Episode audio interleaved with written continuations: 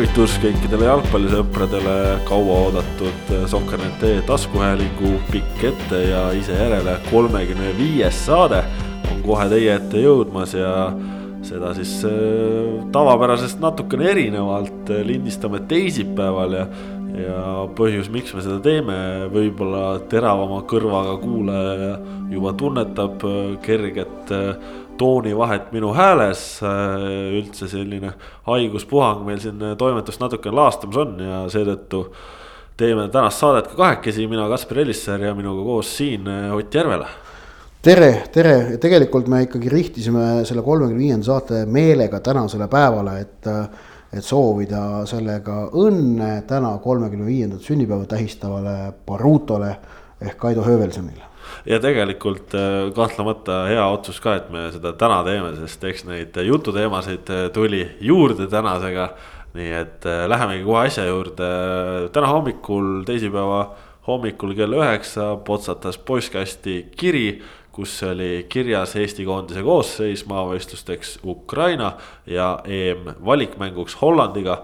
mõlemad mängi, mängud välismaal piiri taga peetakse ja selle koosseisu noh, selline ütleme siis üllatavustase oli ikkagi piisav, sellepärast et äh, eks paljud Eesti jalgpallisõbrad lootsid ikkagi koondises näha tagasi kapten Ragnar Klavanit, kes on Itaalias Cagliari eest väga head mängu näidanud.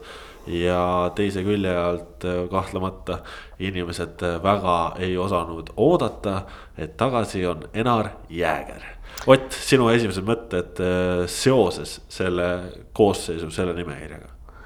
võtame ette kõigepealt äh, keskkaitse, sest et seal on nagu üks, äh, ütleme, erinevate küsimuste epitsenter.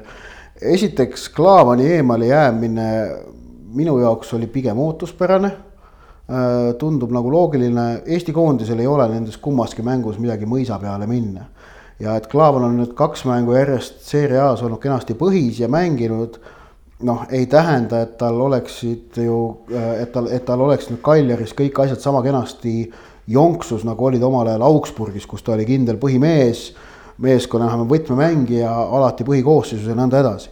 lisaks on ta mitu aastat vanem selle ajaga võrreldes, kui ta oli Augsburgis.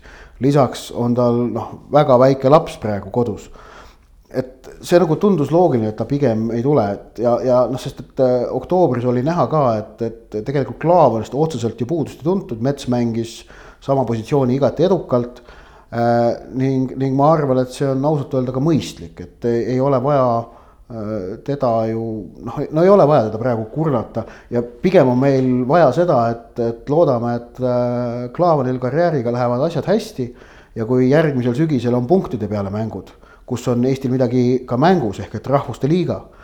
et siis, kui koondisel on vaja, et siis ta saab jällegi tulla no.. aga vahepeal pole teda ausalt vaja, noh, tema noh, ei ole vaja talle ju koondise neid mänge juurde tiksutada, et, et.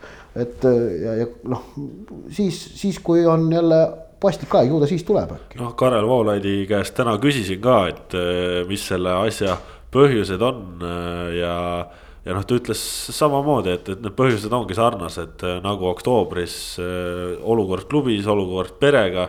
ja, ja teisalt, et äh, Klaavan ikkagi näeb ka kõrvalt, et, et temal on neid rahvusvahelise tipptaseme mänge noh, iganädalaselt. aga tema tulekuga muutub koondises Karol Metsa roll ja, ja ta kõrvalt vaadates praegu näeb, et äh, Karol Metsale sobib ka see vasakpoolse keskkaitse roll. ja, ja Karol Metsale nii-öelda arenguperspektiivist on tugevad mängud äh, Hollandi ja Ukrainaga vajalikud.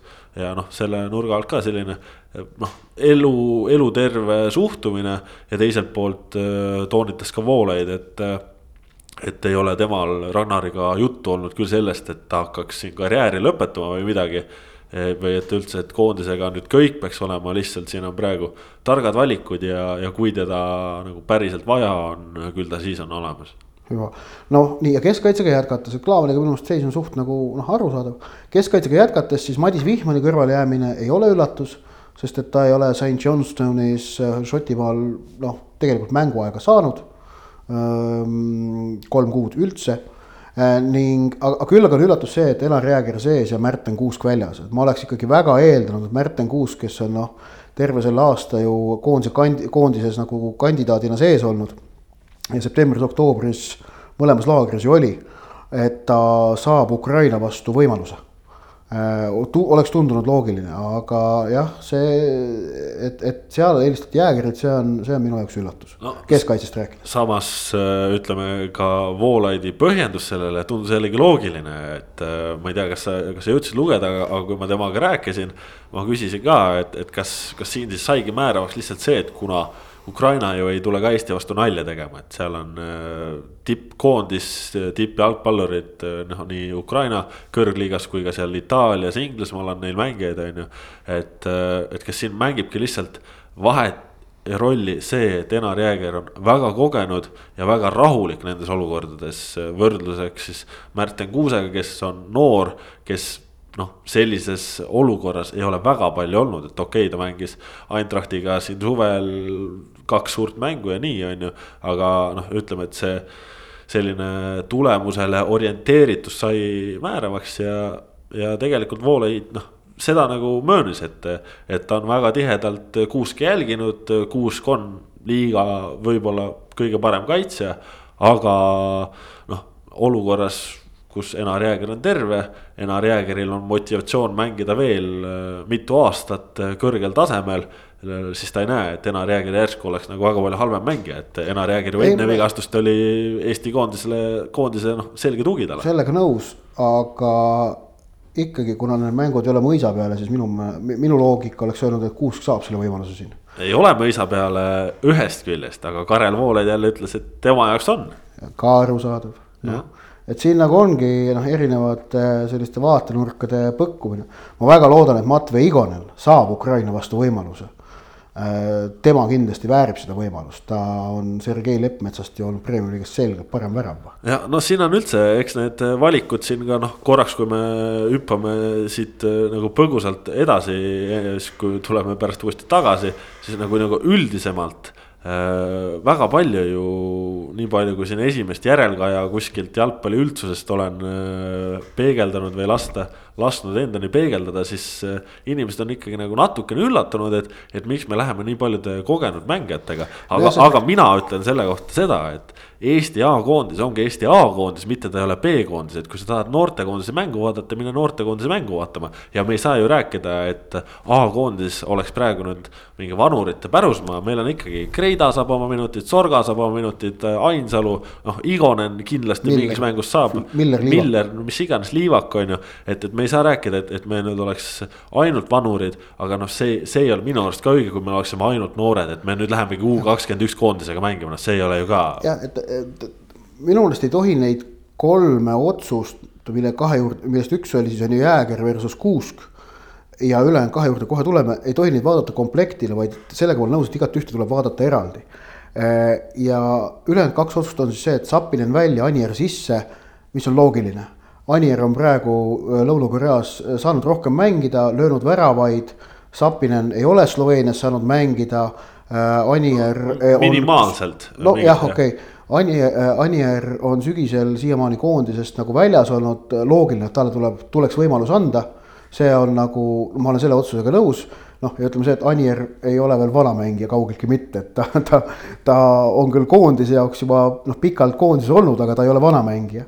Ning teine otsus on siis Sinjavski välja ja Sanderpuri sisse ning kes on vaadanud premium-liiga mänge viimase kahe kuu jooksul, see saab sellest, sellest otsusest väga hästi aru.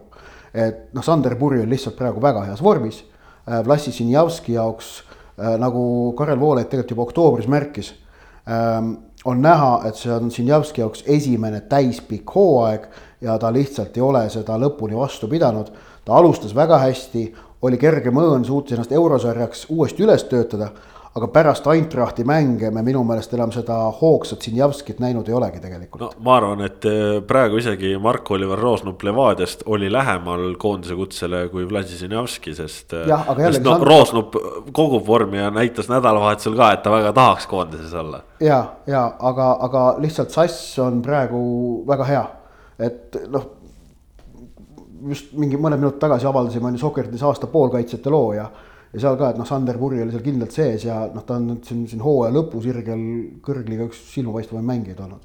ja nõus täiesti, jah. ja, ja, ja, ja noh, et ja, Sander ja, Puri on kolme, kolmekümne ühe aastane ehk et äh, noh, tema kogemustest oleks narr praegu Eesti koondisel need kogemused noh, täitsa nagu kõrvale lükata ja öelda, et me võtame nüüd ainult nooremaid. kui ta on piisavalt hea, siis on ta ka õiges vanuses, väga lihtne jah, no ja, ja Puri puhul me oleme ju tegelikult siin äh, poolteist, kaks kuud rääkinud ka oma erinevates, ma ei tea, ülevaadetes, mängu kajastusasjades, et. et Sander Puri nõuab omale koondise kutset, sest ta on lihtsalt niivõrd hästi mänginud. nojah, see, kui ta Flora vastu kaks väravat lõi kohe pärast koondise pausi, ma arvan, see oli päris tugev avaldus. ja see noh, ei saanud märkamata jääda. aga seal ei ole ainult ju küsimus mitte ainult väravates vaid ka selles, kuidas ta praegu ikkagi suudab äh, mänge mõjutada, et tal on selline hea tempotunnetus. nii et mina vaataks neid kolme otsust on ju eraldi ja kui ma sellest, et Sinjavski välja Puri sisse ja Zappinen välja Anier sisse, nendest mõlemast saan ma täiesti aru, siis ma selle Kuusk Jäägeri osas ma jään siiski natukene, ma, ma jään eriarvamusele, aga noh, arvamusi teatavasti jalgpallis ongi nagu palju, et see nagu ei ole midagi imelikku jah, ja noh, mida siia juurde veel öelda, et ega koosseisu osas selliseid suuremaid teemasid ei olnudki. no Ilja Antonov jätkuvalt sees, Artjom Dmitrijev jätkuvalt väljas, see on ka nagu üks ja, seda, mida tuleb nagu rõhutada. ja Baranov jäi ka pidama. ja mis oli ootuspärane tegelikult, et keskkaitses noh, Baranov mängib, Tamm mängib oma koduklubis, Vihman ei mängi, noh, see on loogiline, et nemad on sees et, et äh, küll aga on seal huvitav näha siis jah, et, et noh, et Karl Mets ilmselt teeb mõlemad mängud. aga et äh, kuidas ülejäänud kolm meest seal kõrval siis selle teise keskkaitse positsiooni ära jaotavad. et, et äh, see, see saab olema huvitav vaadata jah, sest ütles ju ka Voolaid, et. Nad on, nad on seal üpris ta tahaks ikka ka mängu jagada, noh. ja, ta tahab mänguaega jagada, et noh, kas Baranov või Tamm, ma noh, ma pigem pakun, et mul on tunne, et Tamm või ütleks ka pigem Tamm jah. pigem Tamm, Saksamaa vastu Tamm oli päris hea. ja ta on, ta on muutunud kindlamaks uuesti jah. et, et see, see, seda siis noh, Hollandi vastu ilmselt jah, Mets, Tamm on ju. või on hoopis no, Mets, Jääger. jah, ja muidugi siis tuleb rõhutada seda, et Gerd Kams sai koondise kutse, mis on noh, jällegi seal ei ole mitte mingisuguse sellise sümboolse žestiga tegemist vaid puhtalt sportliku tasemega. tegemist on hetkel selgelt Eesti paremuselt teise paremkaitsjaga. ja noh, on, on argumente, mis ütlevad, et ta on Taio Tõnistega täitsa võrdsel pulgal, noh, ma arvan, et Tõniste on siiski natukene eespool. aga loogika ütleb, et need mängud mängitakse pooleks nende kahe vahel. nagu ja, mängiti ka oktoobris. ja Kamsist räägime saate teises pooles veel. aga noh, mis sa arvad siis sihuke hästi põgus kaugele vaade, et kas siis õnnestub ka seal üllatada suuri vastaseid? No ikkagi väga ebatõenäoline oleme ausad, on ju noh. et, et kui nendest kahest mängust ühe viigi saaks, siis see oleks äh, ootamatu ja see oleks meeldiv üllatus vot nii palju siis praegu koondise juttudest, äh, kõik, mis koondist puudutab ja üldse Eesti jalgpalli selles iganädalaselt, igapäevaselt Sokkernetist lugeda saate. aga läheme nüüd äh, premium-liiga juurde ja siin äh, nädalavahetusel toimusid äh, mõned äh, ikkagi ka veel niivõrd-kuivõrd olulised asjad. Äh, eks selle tiitlipinge kadumisega siin natukene on seda üleüldist vurtsu vähemaks jäänud liigas, aga, aga tegelikult mõned asjad on veel mängus ja mängus on näiteks ju ka tabeli teine koht. sest nädalavahetusel see selgeks ei saanud, Levadia Nõmme Kalju Lillekülas üks-üks viigi mängisid Ott noh, Levadia ikkagi ei saanud äh, Kaljust jagu ja, aga natukene olid isegi nagu lähedal.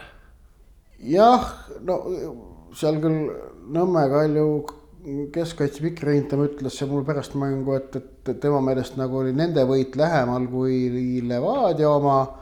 kui ma niimoodi, mulle antakse valida, ma ütleks, et pigem oli lähedal küll minu jaoks Levadia võit, aga mitte nüüd ka ülearu palju Levadia oli hea kuni Kalju üks-üks väravani, et Levadia oli hea pärast enda üks-null tabamust. aga noh, nagu ikka neil kombeks sel aastal, et väravaid, väravamomente nad suurtes mängudes ära lüüa piisava kindlusega ei suuda. nii ka seekord ehm,. ning, ehm, ning noh, sellest mängu nagu sellisest, ütleme suuremast ehm, või, või mängu tekitatud sellisest toonist rääkides, siis no ikkagi Kalju oli selgelt rahulolev ja noh, see oli ka ootuspärane ja Levadia ei olnud ja isegi kui Levadia nüüd selle hõbeda võidab, mis ei oleks minu jaoks ootamatu, kui nad nüüd Paidest võõrsil jagu saavad. Paidest, kellel on, on ju kõik lootused esikolmiku kohale kadunud. siis noh, seal on pluss on veel see variant, et Tammeka võib Kaljult punkte võtta võõrsil, mis on ka täiesti reaalne variant ähm, siis ikkagi isegi kui Levadia saab selle hõbeda ja Kaljule jääb pronks, siis äh, see seitsmemänguline, selle hooaja seitsmemänguline võiduta seeria Kalju vastu, millele lisanduvad eelmise hooaja kolm mängu. ehk et kümnest eelmisest kohtumisest Nõmme Kalju vastu on Levadial kirjas seitse kaotust ja kolm viiki.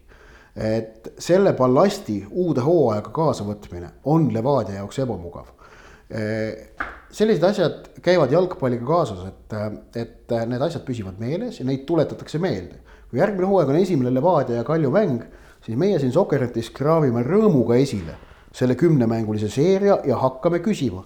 ja hakkame meelde tuletama ja see ei ole mitte nagu meie mingi pahatahtlikkus, vaid see on jalgpalliline selline noh. see käib jalgpalli juurde. kurioosum Äh, ja noh, kurioosumid äh, moodustavad narratiive, mis omakorda kannavadki tegelikult jalgpalli edasi. ja noh, samamoodi samasuguseid, ütleme, ebameeldivaid narratiive on Levadia vastu äh, aastate jooksul pidanud päris pikalt taluma ja üle elama FC Flora, kellel oli ju vahepeal vist mingi neli aastat kestnud Levadia foobia, mis on, mis on nagu noh, oluliselt karmim asi kui kümme mängu Äh, ja noh, mäletan, kunagi oli mingi mäng, kus, kus siin A Le Coqil, kus vist äh, äkki mingi umbes kahe tuhande kaheteistkümnenda, kolmeteistkümnenda aasta kandis, millalgi siis. ei, või kaks tuhat üksteist äkki ja, ja keegi Flora mängijatest tuli välja riietusruumist ja ütles, et näe, et äkki ta ütles Sixten Kasimiri kohta, et näe, Kasimir on meil Floras mingi, ma ei tea, kolm või neli aastat olnud ja ta ütles, et ta polnud kunagi varem Levadiat võitnud. et noh, sellised asjad jalgpallis on ja need, need, need maksavad ja Levadiale läheb see seeria nüüd järgmisse hooaega kaasa ja see ei ole nende jaoks meeldiv jah, ja siin võib-olla tasub veel ka noh, selle Kalju kontekstis välja tuua. jäi nädalavahetusest silma Kalju presidendi Kuno Tehva Facebookist üks äh, selline tabav lause, et, äh, et ta ütles ka ju hooaja selle raske alguse ajal, et, äh, et ärge hinnake meid selle järgi, millises olukorras me hetkel oleme, vaid selle, selle järgi, kuidas me selles keerulises olukorrast välja tuleme. ja noh, selles mõttes Kalju tuli ikkagi väga hästi välja, et arvestades seda olukorda, millesse nad olid sattunud, siis nii-öelda lõpptulem, noh, sealt on ikka maksimum võetud, sest liigas ei ole kaotatud ja karikas ollakse sees. ja eurosarjas äh, saadi ka ühest vastasest jagu. Ku, kuigi ju ütleme, et ka karikas äh, noh, nii-öelda eelmine karikas ju kaotati juba. jah, karikas, kevadel kaotati, aga praegu ollakse Eesti karikas sees nii et, nii et jaa, et aga, aga noh, samas jällegi Tammeka vastu pole midagi tagatud, sest noh, me läheme siit kohe nüüd edasi, et lahtine aga, on ka viies koht. ja, aga enne veel, kui läheme, siis äh, laupäeval mängis ka üks noor poiss Levadiast algkoosseisus, Artjom Komlov. ja see oli ka, oli, oli meeldiv näha ja Artjom Komlovi selline ainukene mäng Levadia põhikoosseisu eest, kus ta nagu noh, suures mängus põhikoosseisu usaldati, oli kevadine karikasarja veerandfinaal Paides. ja seal ta mängis tunni jagu ja jäi täiesti nähtamatuks. ma vist kajastasin seda mängu vist niimoodi, ma vaatasin seda arvutist ja siis kirjutasin lugu, kui ma õigesti mäletan kevadel. ja ma kohapeal küll ei olnud, aga igatahes jäi ta täitsa nähtamatuks, vahetati välja. ja, ja pärast tema väljavahetamist Levadia mäng, ma mäletan, toona paranes Äh, noh, pool aastat oli mööda läinud ja noh, täiesti loogiline, et kuueteistaastasel kutil nagu poole aastaga noh, asjad lähevad oluliselt paremaks. ja Komlov mängis väga sümpaatse partii minu jaoks. Äh, tõesti isegi võiks öelda isegi, et torkas silma, äh, teenis seal ühe karistuslöögi, viis meeskonna kontrale, lõi julgelt peale. ei olnud nagu ühestki otsast nagu tempost väljas. ja, ja mis minu nagu noh, järeldus ja sõnum, mida ma kirjutasin vist luup peale ju ka sisse, et nüüd äh, kui Levadia ennast järgmiseks hooajaks komplekteerima hakkab, siis see, milline roll nähakse ette selles võistkonnas Artjom Komlovile, näitab päris palju ära, kas Levadia nagu soovib üldse pika või pikema plaaniga mõelda või mitte. ilmselgelt on tegemist mängijaga, kes nüüd äh, vajab järgmisel hooajal premium-liigas sellist noh, circa viiteist mängu pluss-miinus natukene siia-sinna, sõltuvalt sellest. Et, et need tuleb tal arvestada, mitte ainult äh, Tallinna Kalevi ja FC Kuressaare vastu, vaid ta peab aeg-ajalt ka mingeid nagu kõvemaid mänge saama seal. ja, ja noh, et kui, kui, kui Levadia nüüd hakkab teda noh, niimoodi kasvatama äh, Eesti mõistes tippmängiks ja võib-olla ka kunagi Eesti koondislaseks vaatama et, et selle jaoks peab olema nüüd klubis plaan paigas järgmiseks hooajaks no,. Samas... see mäng Kalju vastu näitas, et tal on seda ainest temasse tasub nagu noh, investeerida. Vladimir Vassiljev rääkis temast pärast mängu väga kiitvalt. Äh, oli, oli väga rahul temaga, ma nägin seal noh, kuidas ta, kuidas Komlov ise sammus ka minema niimoodi, et noh, ei olnud mingi õhku täis või puhevill aga niimoodi nohis natuke nagu enda ette, aga näha oli, et noh, rahulolev oli no,, oli rahulolev kehakeel, sai ise ka aru, et tegi hea mängu.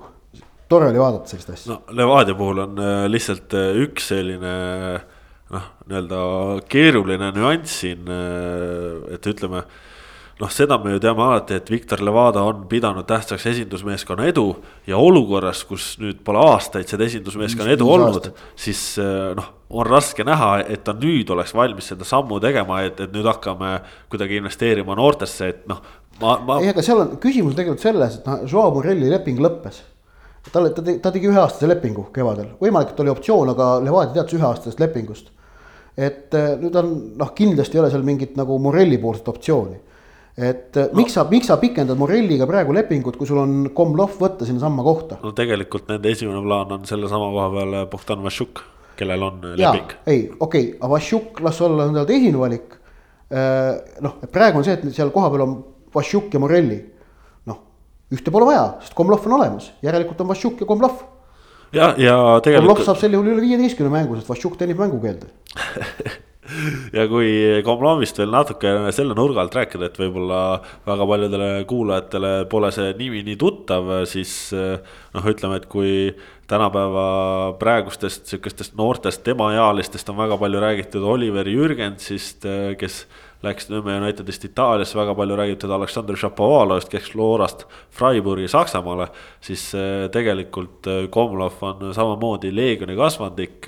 Leegionis ta mängis noortes koos Šapovaloviga ja noh, sisuliselt lõi sama palju väravaid või mingitel hetkedel isegi rohkem väravaid kui Šapovalov. ehk siis Komlov on sel tasemel olnud väga, väga tugev, aga lihtsalt äh, temast me ei räägi praegu, sest ta on sündinud kaks tuhat kaks sügisel. ehk siis ta ei saa mängida kaks tuhat kolm sellel finaalturniiril, mis meil siin Eestis on, et see talent, see, mida ta on noorteklassides näidanud, see on samaväärne, mis on Šapovalov, samaväärne, mis on äh, Jürgens, lihtsalt aasta, no ütleme, sündis natukene mõned kuud äh, liiga vara.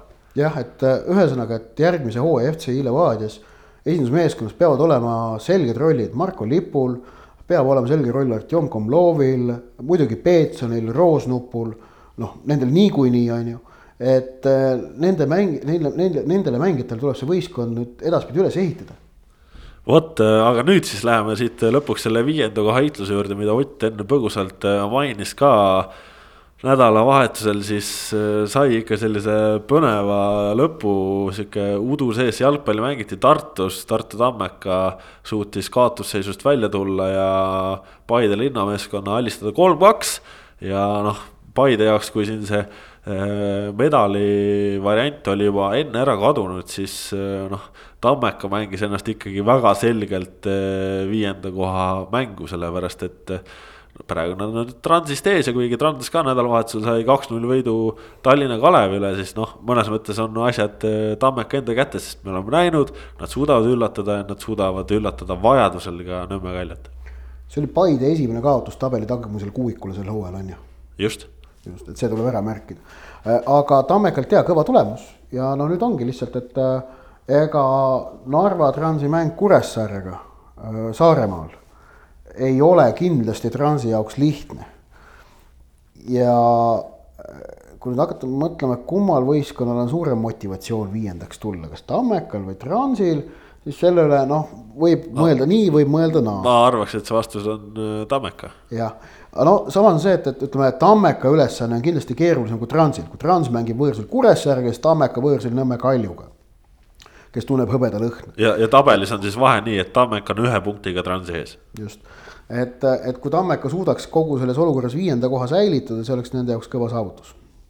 absoluutselt, aga noh. Kuressaarel on omakorda ju ka mängus, et Kure, Kuressaarel on mängus võimalus tagada püsimajäämine jah, nad Transi vastu kas neile viigist piisaks? ei no neile piisab ka isegi kaotusest, kui Tallinna Kalev punkte ei saa, aga, aga.... aga kui Kalev võidab tulevikku. siis, siis viigist ei piisa jah. siis Kure vajab ka võita. omavahelised mängud on äh, Kalevi kasuks, nii et. aga veel noh, tulles siin Paide juurde, siis äh, no natukene on näha, et siin see hooaja lõpp on ikkagi nii-öelda raskeks läinud just emotsionaalselt tõenäoliselt, et. et kuigi noh, eks nad olid ju seal medali heitluses mingitel hetkedel natukene ka sellepärast, et.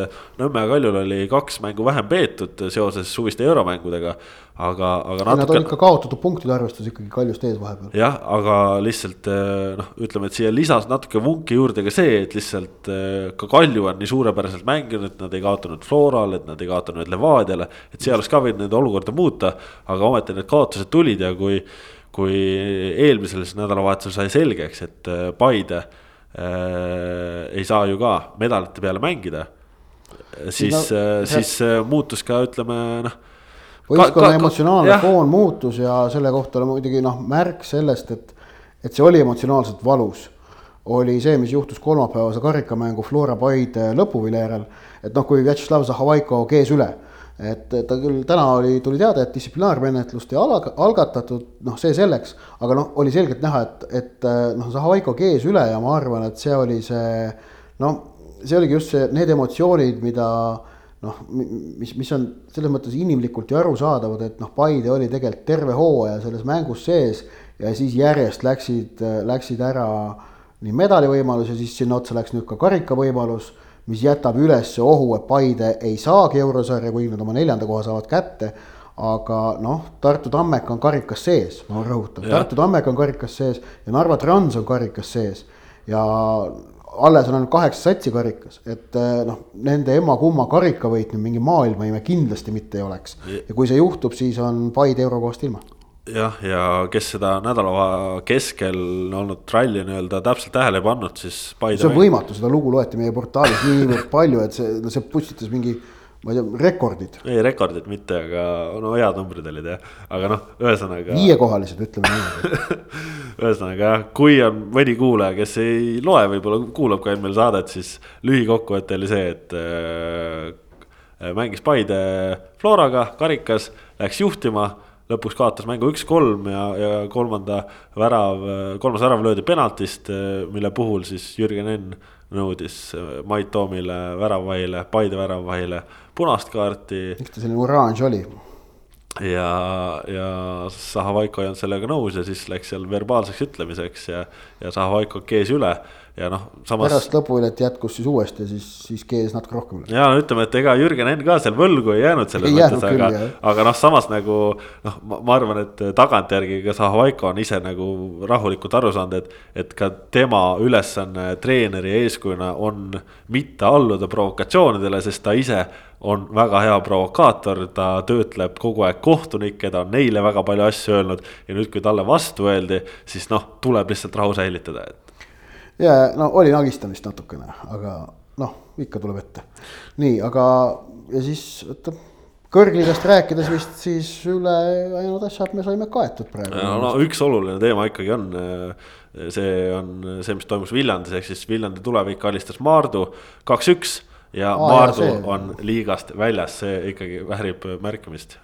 nojah, et äh, nagu ma hooajal ütlesin, et äh, viimane koht et kaotusi tuleb sama palju kui eelmine aasta võite eh, esiliigas. selle ma eksisin, et kui nad viimase vooru kaotavad, siis nad peaksid saama kakskümmend seitse kaotust. eelmine hooaeg esiliigas oli neil kakskümmend üheksa võite, aga suurusjärk, võitu, suurusjärk on noh, sama ja noh, nad ei olnud premium-liiga kõlbulik võistkond, eh, sest nad eh, õigemini, nad ei olnud premium-liiga kõlbulik klubi, sest nad olid võistkond ja see võistkond oli ka ikkagi no väga selgete puudustega. no sa, samas seal ütleme, et äh, seal kohati individuaalset kvaliteeti on, aga, aga mulle endal tundub, et võistkonna suurimad mured olid siis lühike pink ja mentaalne tugevus, ehk siis äh, see, kui hakkasid tulema kaotused, löödi kiirelt väravaid, siis meeskond murdus, sest esiliigas oldi harjutud võitma ja tegelikult ütleme no,, need kogenud mängijad ei suutnud, ei, ei, ei, ei suutnud sellega ära kohaneda. täpselt sama asi, mida me hooaja eel siinsamas saates rääkisime mitu korda ja hooaja alguses ka, et et äh, kui Kuressaare, Kalev ja Tulevik neelavad need suured kaotused alla, sest nad saavad aru, miks nad mängivad ja miks sellised asjad juhtuvad, siis Maardu ei saa aru ja ei saanudki aru. ja tagasi esiliigas ja noh, ma arvan, see on neil õige koht sellest mängust ikka üks lõbus seik ka veel, vot see lugeja rekordeid ei, ei püstitanud, et seda võib-olla kõik ei pannudki tähele, igatahes oli huvitav selline asi, et Maardu kaotas esimese poole null-üks teiseks pooleks peatreener Mark Kolk tegi ühe vahetuse, kui vahetas välja ääre Vadim Aksjonovi Jaroslav Dmitrijevi vastu. aga lisaks Aksjonovile jäi riietusruumi ka kuueteistaastane algkoosseisu debütandist keskpoolkaitsja Stanislav Tšambaljuk. ja see tähendas seda, et kui mõlemad võistkonnad olid riietusruumist välja tulnud, Jüri Fischer nagu kohtunikud ikka loevad mängijate peanupud üle, et kas kõik on olemas, siis eh, luges Maardu mehi kokku kümme, vaatas küsiva pilguga Maardu pingi suunas. Maardu pingi peal oli kerge hämmastus, siis saadi aru, et midagi ei klapi midagi ei klapi, aga pane vile, vile käima, pane mäng käima. Fischer vilistas vile ära ja Mark Kolk, äh, võistkonna peatreener, paneb jooksuga riietusruumidesse, kuhu ta jäi umbes kuueks minutiks. vahepeal pingi peal istunud äh, mängija, poolkaitsja ja klubi president Maksim Grivošin võttis telefoni, helistas kuskile. ei tea, kas ei saanud vastust või mis iganes, siis läks ka Grivošin riietusruumi. ja lõpuks tõesti siis viiekümne teisel minutil see vaene Tšambaljuk sealt riietusruumist välja saadi ja väljakule läks ja, ja Mark Kolk äh, pärast mängu ei tahtnud seda olukorda väga kommenteerida ta ütles lühidalt, et eh, noh, natukene noore mängija ja natukene ka tema enda asi, et seal mingisugune kommunikatsiooniviga oli, et ei tea, kas siis John Baluk arvas, et tema ka välja vahetati või mis, aga. aga noh, tundus küll, et tõesti John Baluk oli jõudnud juba duši alla minna ja, ja siis ta pidi ennast väga kiirelt ära kuivatama ja väljakule jooksma, aga noh, on näha, et kuueteistaastane poiss veel ei ole kaitseväes käinud. riidesse panek võtab palju aega, sest kuue minutiga ennast valmis panna, noh, see on ikkagi sihuke noh, ikkagi juba eeskujulik sättimine, et. Äh, no see jah, et äh, see on selline lõbus vahejuhtum, mis seal, mis seal, mis seal aset leidis, et. et äh, ma arvan, see on selline, võtab mõnes mõttes ka sümboolselt Maardu linnameeskonna tänavuse hooaja premium-liigas kokku jah, ja ega siit äh, nüüd premium-liiga mängude kontekstis väga palju enam muud rääkida ei ole, sest äh, Trans Kalevist äh, noh, seal tegi Salliste tegi mängu, Kolovjov lõi seal ka ja, ja noh, siis pühapäevane tähelepanu oli ka ikkagi suuresti Flora Kuressaare mängul, mis mänguliselt seitse-null mõttes ei vääri samuti tähelepanu. küll aga väärib tähelepanu Gert Kams, kes siis eelmisel nädalal teatas, et äh, lõpetab oma jalgpallurikarjääri selle hooaja järel ja Kambs siis viimast korda kaptenina Lillekülas äh, kodumängu pidas, pidas nii hästi, et lõi suurepärase karistuslöögi üle müüri nurka siis tõusis veel rünnakule, sai Kostja Vassiljevilt suurepärase söödu, mis eh, läbistas ka Märten Pajunurme jalge vahe. ja siis sellise tõeliselt ründajalikult sellise väliskülje varbaga kuskil seal eh, palli nurka lükkas, nii et eh, Kambus oma viimases kodumängus kaks väravat, suur võit. noh, ütles, et tahab tipus lõpetada ja enam paremini ei oleks saanud seda asja ära lahendada. ja see lahkumismäng tuli ikka väga hästi välja, et, et enam paremini ei ole võimalik ja noh see, see karistuslöök, mille Kams lõi, et see, ma ütleksin, et mille ta sisse lõi, et see on selles mõttes äh, hea äh, sümboolne žest, mis võtab ta äh, mängija tee kokku. karistuslöökide spetsialistiks just nimelt selliste pehmete vintlöökide. Vassiljevi leivanumber on natuke kaugemalt löömine.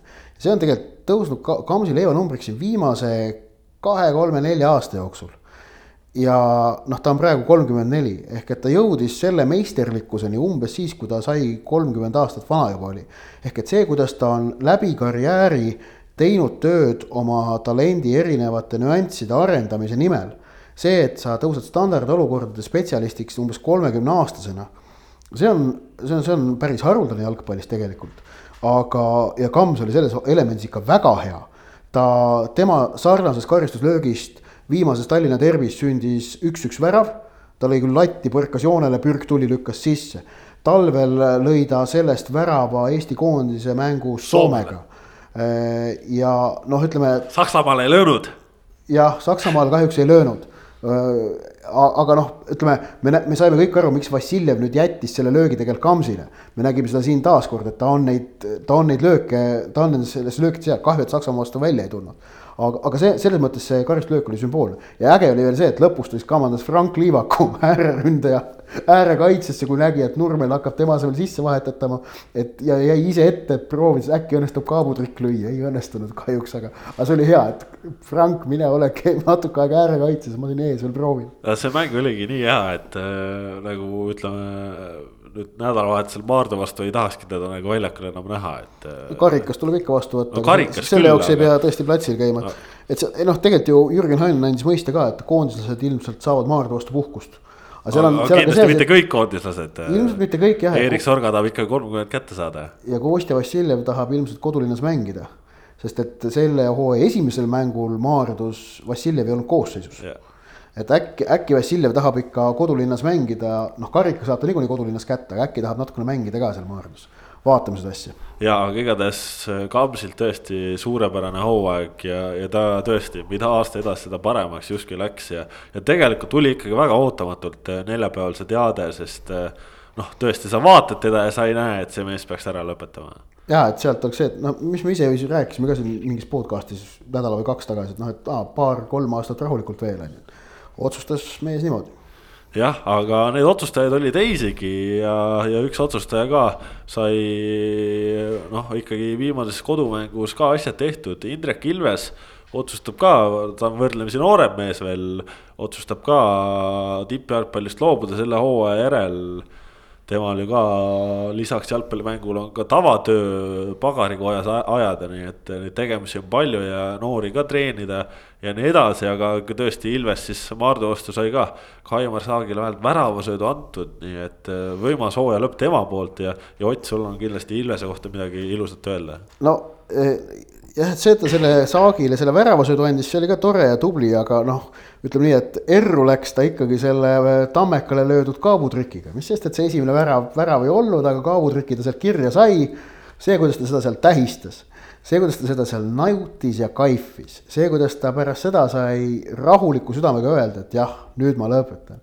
et see oli, see oli super näha, kuidas selline läbi ja lõhki jalgpallihingega Äh, inimene, kes on, äh, kes, kelle karjäär ei ole kulgenud kaugeltki mitte nagu ladusalt, aga keda see mängutarkus ja, ja noh, tohutu nagu armastus jalgpalli vastu on ikka hoidnud äh, Eesti kõrgemal tasemel ja kuidas ta on seal ikkagi noh, piisavalt palju läbinud, ta sai selle kogu selle nähtud vaeva eest selle väärilise tasu ja see oli äge. ja, ja seda tüüpi mängija, kes on siis ütleme niimoodi, et ongi selline noh, üle kahekümne viie poolproff või poolamatöör, võtame kuidas tahame. et ta noh, teeb jalgpalli mängimise kõrvalt tööd, aga on noh, ütleme, on selline kogenud vend, kes nagu on noh, treenerile selles mõttes kulla väärt tegelane. universaalne, tunneb mängu, täidab erinevaid kohtasid, on, on nagu see spordimehe hingega. et, et sellised noh no,, nagu oli Mikk Valtna oli pikalt ju Tammekas ja noh, et, et, et äh, kuigi premium-liiga on teel professionaalsuse suunas ja noh, soovitakse muutuda mõne aastaga täisprofessionaalseks liigaks, siis ma arvan, et sellistele Ilvese tüüpi noh, vingetele vendadele need mõned kohad ikka jäävad meil premium-liigas, jäävad ilmselt alatiseks ja see on ainult hea. Äh, see on ainult hea, see tugevdab liigat ning äh, annab juurde tervele võistlusele ühe mõõtme ja, ja ma toon ikkagi siin ka nüüd sellise geograafilis-sotsioloogilise paralleeli äh, või, või sellise näite, et ähm, kui Ida-Euroopa mentaliteet on üldjuhul selline, et kui nagu tippsportlane peab äh, selle, teeb selle mängimise kõrvalt tööd, siis see on nagu pigem häbiasi, sellepärast et ta pole piisavalt hea sportlane järelikult. siis Põhja-Euroopas, Põhjamaades on see, on see nagu auasi et äh, näe, et vahva mees teeb sporti, teeb tööd, on nagu noh, oskab oma elu ikka väga vingelt elada. ja mul on hea meel, et Eesti pigem ikka kipub üha rohkem ja rohkem, me näeme meie enda kõrgliigas, kuidas me kuulume sinna põhjamaisesse väärtusruumi selles kontekstis. ning kui nüüd ja, ja muidugi ja lisaks lõpetuseks veel see, et noh, Indrek Ilvesele on sisuline mantlipäri ka premium-liigas juba olemas Kevin Andersoni näol et, et ta on Tammekas selline noh, natuke sama masti vend, see, kuidas Tammeka mehed, kui kiitvalt räägivad Kevin Andersonist, kes esmalt teeb kuus tundi tehases tööd ja siis läheb, teeb Tammekas noh, kõige pühendunumalt trenni, siis vot sellised mehed on premium-liigas sool. jah, ja üks nukker teade veel tänasest päevast, Tarmo Neemela lõpetab ka nädalavahetusel oma karjääri ära, ilus, ilus aeg saab läbi. Neemela siis, no loodetavasti saab ikkagi Levadia vastu need minutid ka veel kirja, kodumäng oma. küll ta saab, Levadia loodab, et ta ei saa, aga ta saab aga minul on tõesti see, noh, Neemel on kolmekümne seitsme aastane, aga, aga tõesti see teade nagu muudab ka nukraks, sellepärast et äh, Neemel on lihtsalt. Äh, ma ei tea, ma olen ta talendi suur austaja, minu arust, et mida vanemaks ta sai, seda paremini ta jalgpalli hakkas mängima, et ta on, äh, kiirusasjad on kadunud, aga keha on nii suur, ta on tugev, ta jagab mängu, ta suudab nii hästi katta, ta suudab isegi aegluubis vastastest mööda triblada, et noh, seda on hästi mõnus on vaadata ja kahju on sellest, et Neemelo ikkagi need Andrei Kalimullini rekordit äh, kinni ei püüa ja ta ei püüa noh, tõenäoliselt ka Vjatšeslav Zahovaiko väravarekordeid kinni ja noh, rääkimata siis Kružnovist, et Neemelo ju kõikide väravalööjate edetabelis äh, kolmandal kohal, Zahhovaiko teisel kohal ja seal on praegu see vahe natukene liiga suur, et ta peaks seal noh, üle viieteist värava lööma viimases mängus Levadial, et see ei ole, ei ole tõenäoline, aga noh, Neemelalt ka suurepärane karjäär ja, ja nagu ta ise ütles selles pressiteates, mis täna välja saadeti, et ega ta ei kahetse midagi, et, et ta on kõik asjad ära teinud, koondises olnud, välismaal käinud. Eesti meistritiitleid võitnud, erinevate suurklubide eest mänginud kõva spordimees. kõva spordimees ja, ja tõesti kahju, et, et selline mees ära kaob ja noh, tegelikult ikkagi okei okay,, ta ei olnud no, Paides jah, praegu kahju. põhi, põhimees, aga, aga tal ikkagi oma roll oli ja, ja kui Paides olid asjad nii-öelda natukene pekkis, siis vaatas Slava ikkagi Neemele otsa, sest Neemel oli see, kes suutis mängu muutuse tuua no. ise, ise kui ta väravat ei löönud. ja oleks peaaegu ikkagi sellele Maid, Paidele selle medali heitluses püsimise päästnud, sellepärast et kui oli see mäng Nõmme Kaljuga mille Paide null-üks kaotas ja mis tegelikult nüüd tagantjärele võime öelda, oli otsustav selles osas, et Paide medalit ei saanud. Siis noh, kes seal kõige lähemal Paide meestest väraval oli, Neemelo, kes toodi vahetuses sisse. aga no ju, ju ta ise tundis, et on aeg küps, täpselt nagu tundis Kams, täpselt nagu tundis Ilves. Ja, ja alati on hea, kui kõvad spordimehed saavad ise selle otsuse teha, mitte ei tee tervis nende eest seda otsust. Et ka see on, see on nagu selles mõttes, meil on, meil on kahjuks Eesti jalgpallis näinud ju ka vastupidiseid asju, kus, kus tervis on meeste eest otsuse ära teinud, need kõik kolm meest tegid praegu otsuse ise ja suur aitäh neile ja au neile. jah, ja minge veel siis äh, viimasel äh, voorul, viimasel nädalavahetusel neid kõiki vaatama, ikkagi variant on, et kõik käivad väljakul ja kahtlemata põnevad mängud selle nurga alt kasvõi natukene mängud jälle tähtsust juurde saavad aga no Ott, vaatame siis põgusalt veel sellele viimasele voorule ka otsa. järgmine nädal, kui saadet teeme, siis on juba Premium-liiga hooaeg läbi ja peame omale uued jututeemad vaikselt siis leidma. ja need muidugi tulevad, sest tuleb koondis ja on veel ka viimasest voorust kindlasti midagi rääkida. aga noh, praegu kui me vaatame tabelisse, on lahtine teine koht Levadia ja Nõmme Kalju vahel. on lahtine üheksas ja kaheksas koht ja on lahtine viies koht nädalavahetusel kõige tähtsam mäng on Tallinna Kalev, Viljandi tulevik. jah, sinna sa, mängu... sinna sa mu, sinna sa mu tööle määrasid, nii et ilmselt on kõige tähtsam mäng. ja, ja ma ise ka ennast sinna tööle määrasin. Äh, seda mängu Sokkernet otsepildis näitab, äh, Kalevil on võimalus pääseda üleminekumängudest, kui tulevik alistatakse. tulevik kindlustas omal nädalavahetusel seitsmenda koha neil on kõik hästi. Nad said omale suurusjärgus neli mängukeeldu, ehk siis read on hõredad, eriti kaitses ja see muudab äh, kindlasti äh, Kalevi ülesande kergemaks. samas noh, ega Sander Vost ütles ka, et nemad tahavad ikkagi võidukalt lõpetada, kaotada nad ei taha. ja, ja noh, selle nurga alt väga palju on kaalul äh, tõesti, Kuressaare vedestab Kalevit kahe punktiga, kuna ise mängitakse Transiga, siis seal läheb ikkagi asi nugadele. jah seal tegelikult on, on nagu ainukene mäng, kus midagi mängus ei ole, on Maardu Flora. ülejäänud kõigis neljas mängus on, on midagi, mingi nagu pinge sees. et selles mõttes on viimases voorus seis täitsa, täitsa huvitav jah jah, ja noh, ongi Paide Levadia mäng on ka nüüd ikkagi selle teise koha mõttes huvitav, sest Paide, tähendab Levadia ei suutnud võita, teist kohta ära kindlustada, seal on asjad lahti, seal on. ja Paidel on ka seal tõestamistahe ja tõestamistahe on Paidel ka sees, et nad, nad tahavad ikka, nad ju Levadia käest võitu pole saanud. ja nad ei ole, nad ei ole saanud võitu tegelikult pärast esimest vooru, kui nad alistasid Kalju nad ei olegi esikolmiku käest ühtegi võitu saanud. sest nad on äh, ülejäänud mängud, Florat nad võitnud ei ole ja Levadiat nad ka võitnud ei ole. ehk et selles mõttes on, on Paidel kindlasti tõestamiskohta, noh, tõestamisnälg on seal suur ja kahtlemata väga huvitav saab mäng olema ka Hiiul, Nõmme Kalju ja Tartu Tammeka vahel, sest äh, Nõmme Kaljul on samamoodi võimalus tulla teiseks Tartu Tammekal on võimalus tulla viiendaks ja see viies koht säilitada. seda mängu ka Sokkernet otsepildis näitab, nii et, et noh, tegelikult selliseid äh, pisiintriige jagub, kuigi suured asjad on paigas. ja, ja et kes iganes tahab hakata sellele viimasele voorule panustama, siis minu lihtne soovitus on ärge panustage vot, aga sellised olidki siis selle nädala jalgpallijutud oleme siis uute juttudega tagasi eetris uuel nädalal, siis loodetavasti jälle esmaspäeval Äh, loodetavasti on, oleme siis kõik elu ja tervise juures äh, ja. oleme täies koosseisus. jah, täna siin natukene sihuke haltuurat teeme, aga pole midagi teha, tuleb olukordadega kohaneda. aitäh, et kuulasite, Ott Järvele ja Kaspar Elster tänavad teid. ja, et me suutsime, suutsime arvulises vähemuses tegutseda tegelikult sama hästi nagu Saksamaa koondis Eesti vastu. just, adjöö